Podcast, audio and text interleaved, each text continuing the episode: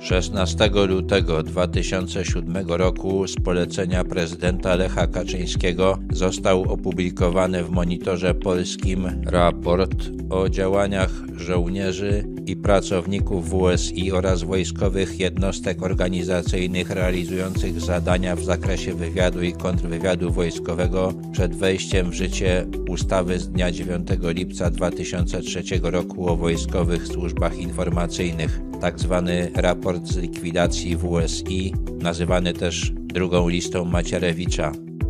W raporcie została opisana skala penetracji rosyjskich służb w strukturach WSI. Opisano tak zwaną operację Gwiazda, czyli pozorną weryfikację sowieckiej agentury w, strukturach polskich organów wywiadu i kontrwywiadu wojskowego. Ukazano działalność polsko-rosyjskich spółek agenturalnych oraz zaniechań kontrwywiadowczych WSI na kierunku wschodnim. Opisano struktury i agentów WSI uplasowanych w różnych przedsiębiorstwach państwowych, prowadzony przez te służby nielegalny handel bronią, metody nielegalnego zdobywania funduszy, w tym szczególnie aferę FOS, wpływ WSI na opinię publiczną poprzez agentów i współpracowników uplasowanych w TVN, Polsacie, telewizji publicznej oraz takich pismach jak Wprost, Newsweek, Gazeta Wyborcza, Gazeta Bankowa i wiele innych.